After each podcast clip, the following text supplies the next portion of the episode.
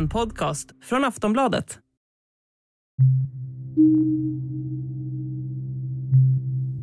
Ryssland har invaderat Ukraina. Efter flera månaders upptrappning hördes ljudet av explosioner och flyglarm i morse i flera ukrainska städer. Under dagen har attacken fortsatt och i det här extra avsnittet ska vi göra ett försök att sammanfatta vad som egentligen har hänt och fundera över vad som komma skall. Du lyssnar på mig, Marcus Ulfsand, i det här extrainsatta avsnittet av Aftonbladet Daily.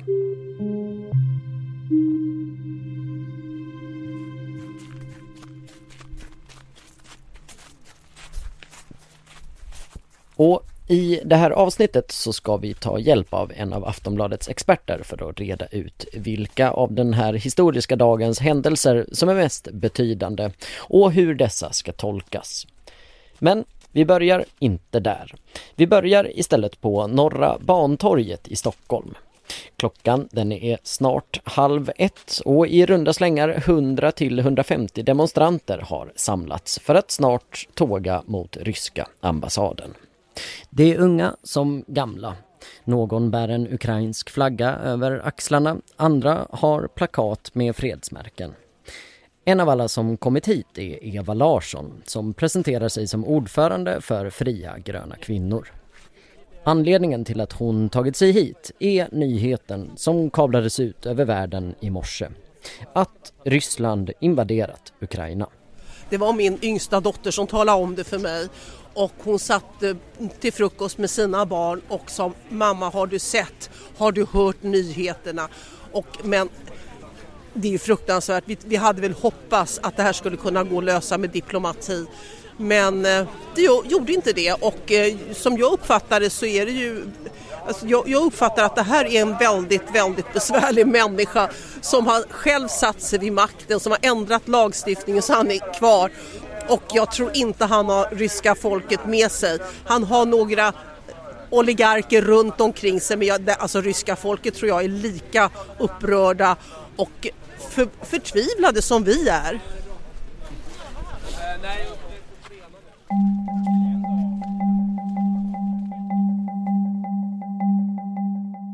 Ja, det är många under dagen som reagerat med avsky inför händelseutvecklingen. Det var under natten till torsdagen som Vladimir Putin meddelade att Ryssland skulle genomföra en militär specialoperation i Ukraina. Ett beslut som kort senare följdes av en fullskalig invasion. Under dagen har världsledare efter världsledare fördömt attacken. President Putin of Russia has unleashed war in our European continent. He's attacked a friendly country without any provocation and without any credible excuse.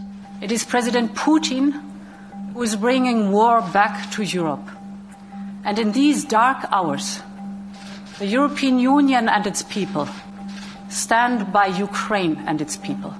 Den ryska invasionen av Ukraina är oprovocerad, olaglig och oförsvarlig. Men Trots fördömanden och varningar om nya sanktioner tycks den ryska attacken fortsätta med oförminskad styrka. När vi spelar in det här så är klockan strax efter 16 svensk tid. Det har alltså gått i runda slängar 12 timmar sedan Vladimir Putins tal till nationen. Staffan Lindberg, utrikesreporter på Aftonbladet, får hjälpa oss att sammanfatta vad som egentligen har hänt sedan dess. Ja, men det har varit en ett, eh, otroligt nyhetsintensiv dag med väldigt, väldigt mycket rapporter, väldigt mycket händelseutveckling på samma gång. Eh, vi har ju befunnit oss som journalister i ett väntläge nu ganska lång tid på att något ska hända och jag var ju själv med, med Aftonbladets fotograf Jerker Ivarsson i Ukraina hela förra veckan och och, och, där var det också, det var ett väntläge, man gick precis som alla människor i Ukraina och la sig på kvällen och visste att det kan hända att vi kommer att vakna av det här. Eh, vi hann åka tillbaka men, men nu är det det som har hänt ändå som, som jag tror att alla befarade men på samma gång kanske inte riktigt ändå innerst inne trodde skulle hända. Det har ju hänt nu, en, en fullskalig invasion på många fronter. Just som du säger, vi har pratat om det här länge och när man har pratat om det tidigare så har man ofta pratat om det som att det kan vara någon form av asymmetriskt krig, att det kan bli den här typen av false flag operationer som man pratar om. Att det sker på det sättet som det sker idag, vad tänker du kring det? Jag tänker nog att det är, det är lätt att vara efterklok och säga det här var, vi, var vad vi hade väntat eh, på. Eh, men samtidigt som innan så sa jag att, att människor på något sorts mänskligt plan kanske inte trodde att det ändå skulle bli så, så, så kan vi samtidigt se hur, hur det här faktiskt har följt ganska mycket den här mallen från Putins tidigare krig i Georgien 2008, i, på Krim 2014.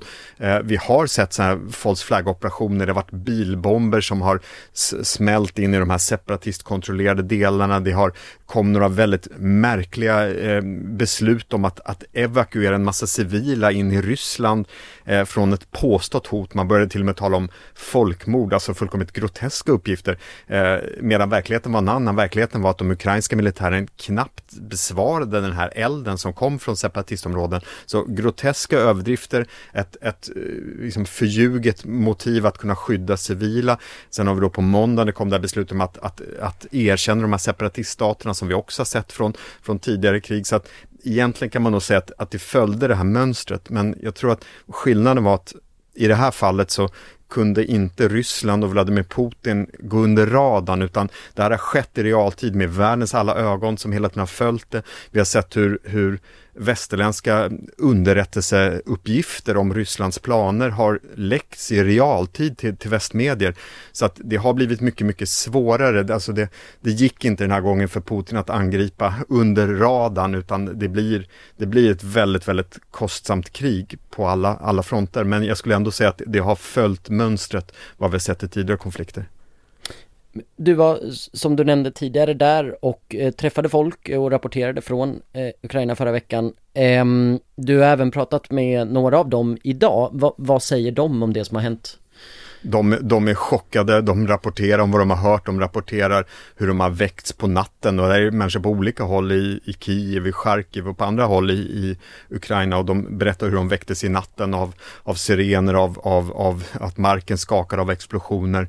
De är väldigt chockade, de försöker ta reda på vad de ska göra nu men de konstaterar att att, att ge sig ut på en lång flykt genom landet är många som inte vill nu därför att vägarna tycks igenkorkade och så. Så att jag tror att, att de fortsätter att avvakta något läget men, men de, är, de är jätteskrämda, de, de är oroliga. Nu har det hänt där som de ja, som var inne på, kanske ändå trodde inte skulle ske. Så det är ändå märkligt, vi var i i, i Kiev bara för några dagar sedan och, och, där sitter människor, satt människor då och drack sina liksom kaffelatte eller hängde på barer, precis som vi gör här. Vi besökte skolor där barnen var precis som i våra skolor och lekte och, och, och busade och liksom livet fortsatte eh, på, på ytan på ett väldigt, väldigt normalt sätt. Så att det, det känns absurt att tänka och, och såklart fasansfullt för människorna där att, att hela den här verkligheten bara vänds upp och ner under natten. Är det någon eh, del i händelseutvecklingen idag som, som har överraskat dig mer än något annat? Jag kanske ändå är överraskad att, att det tycks vara ett så massivt eh, massiv invasion och att den sker på det här sättet. Jag kanske kunde ha trott att Putin på något sätt skulle gå ännu ett varv att försöka skapa mer sådana här false flag-operationer, mera försök att liksom mot sin egen befolkning rättfärdiga det här kriget, att man skulle få se liksom mer av, av propaganda innan och så, för att nu är det, nu, nu handlar det om att, att man startar ett, ett krig. Och jag sa att det finns exempel tidigare, men, men skillnaden nu är ju att det här är ett så mycket större krig, Ukraina är ett så mycket större land, och man går in så massivt. Eh, ett enormt krig utan ett enda tydligt syfte, uttalat syfte. Ett land med en demokratiskt vald regering som på inget sätt hotar Ryssland militärt, som man nu anfaller så här storskaligt. Jag menar, det är en, alltså all, att starta krig i alla lägen är, är våghalsigt och, och där ter sig, om man, om man bortser från alla civila offer, från alla människor som kommer dö, så ter det sig väldigt våghalsigt i alla fall av Vladimir Putin att inleda det här kriget. Eh, det går säkert kanske att kuva Ukraina och Ukrainas militärmakt på kort sikt men på lång sikt är det svårt att se hur man ska kunna ro det här i land. Under dagen så har vi också sett mycket världsledare eh, som har reagerat. Eh, de flesta har eh, fördömt och pratat om nya sanktioner och sådär. Ehm, har du sett några kommentarer just från världsledare, någonting som har stuckit ut enligt dig?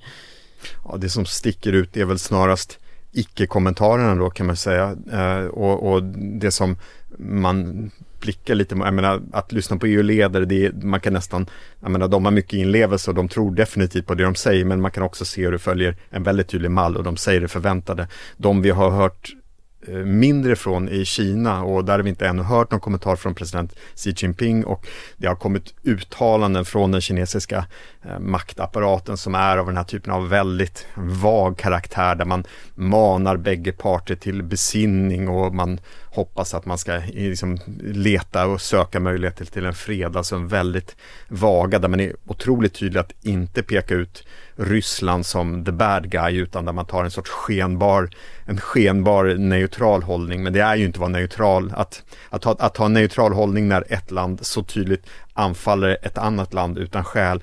Eh, det är ju inte att vara neutral utan det är ju ett indirekt stöd givetvis mot den som anfaller. Så att jag tror att, att Kina och hur Kina kommer att agera eh, är en sak som kommer att vara väldigt, väldigt intressant framöver är också helt avgörande för om, om, om de här sanktionerna mot Ryssland ska bita eller inte.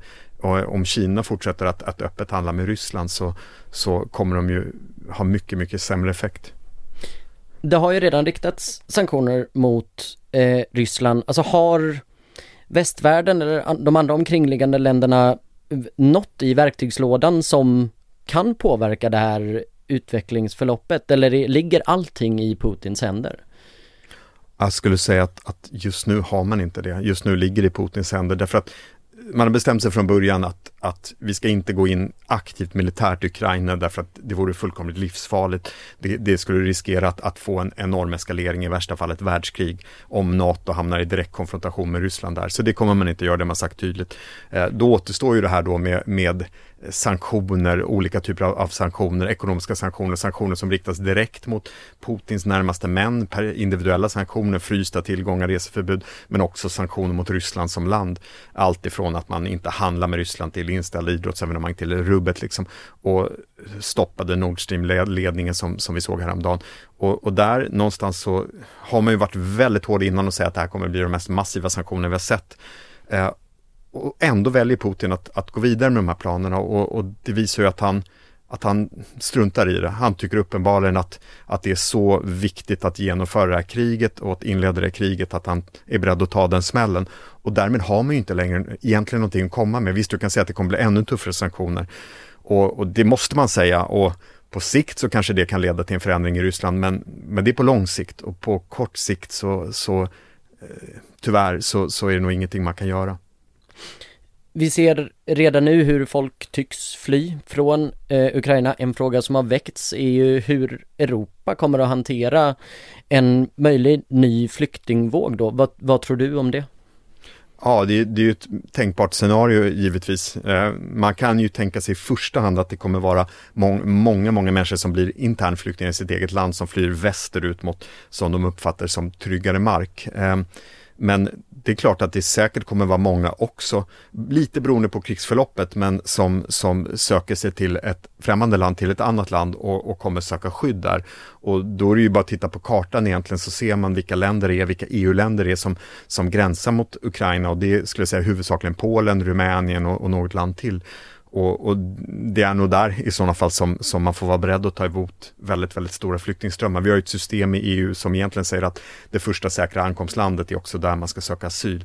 Sen får vi i praktiken se om vi hamnar där, hur EU-solidariteten kommer att fungera. Eh, men absolut, det finns ju en, en, tydlig skillnad mellan den här konflikten och de konflikter som sker på andra håll i världen, till exempel i Afghanistan eller Mellanöstern. Och det är att, att här är då det angripna landet har en lång gräns direkt in mot EU. Så att det kommer liksom inte gå och hindra människor. Det går inte att göra dealer med, med tredje part som är Turkiet som ska stoppa flyktingar och liknande utan, utan om människor flyr mot EU så, så kommer de kunna ta sig in i EU också. Och det är möjligen också så, det, det kan man inte riktigt spekulera i nu, men det är möjligt så att, att viljan att, att hjälpa kanske ser annorlunda ut nu också. Det brukar ofta kunna vara så när det handlar om grannländer som anfalls. Avslutningsvis bara, vad tror du kommer hända nu? Ehm, det är ju otroligt, otroligt ovisst och det är verkligen en sån här rapportering som man får följa timme för timme, minut för minut nästan, dag för dag.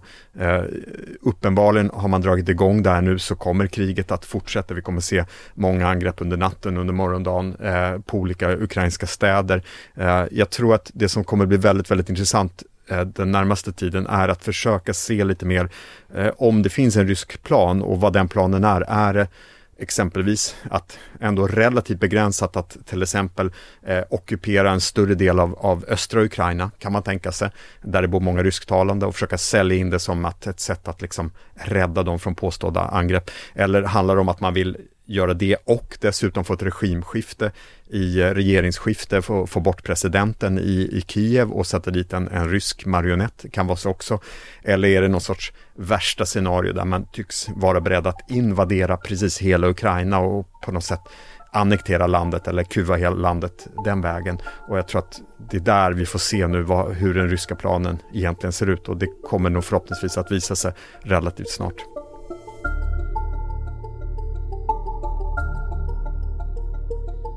Sist här hörde ni Staffan Lindberg, utrikesreporter på Aftonbladet. Jag som pratar nu, jag heter Marcus Ulfsen och det här det var ett extra insatt avsnitt av Aftonbladet Daily. Följ oss i din poddspelare så kommer vi med ett nytt avsnitt redan imorgon.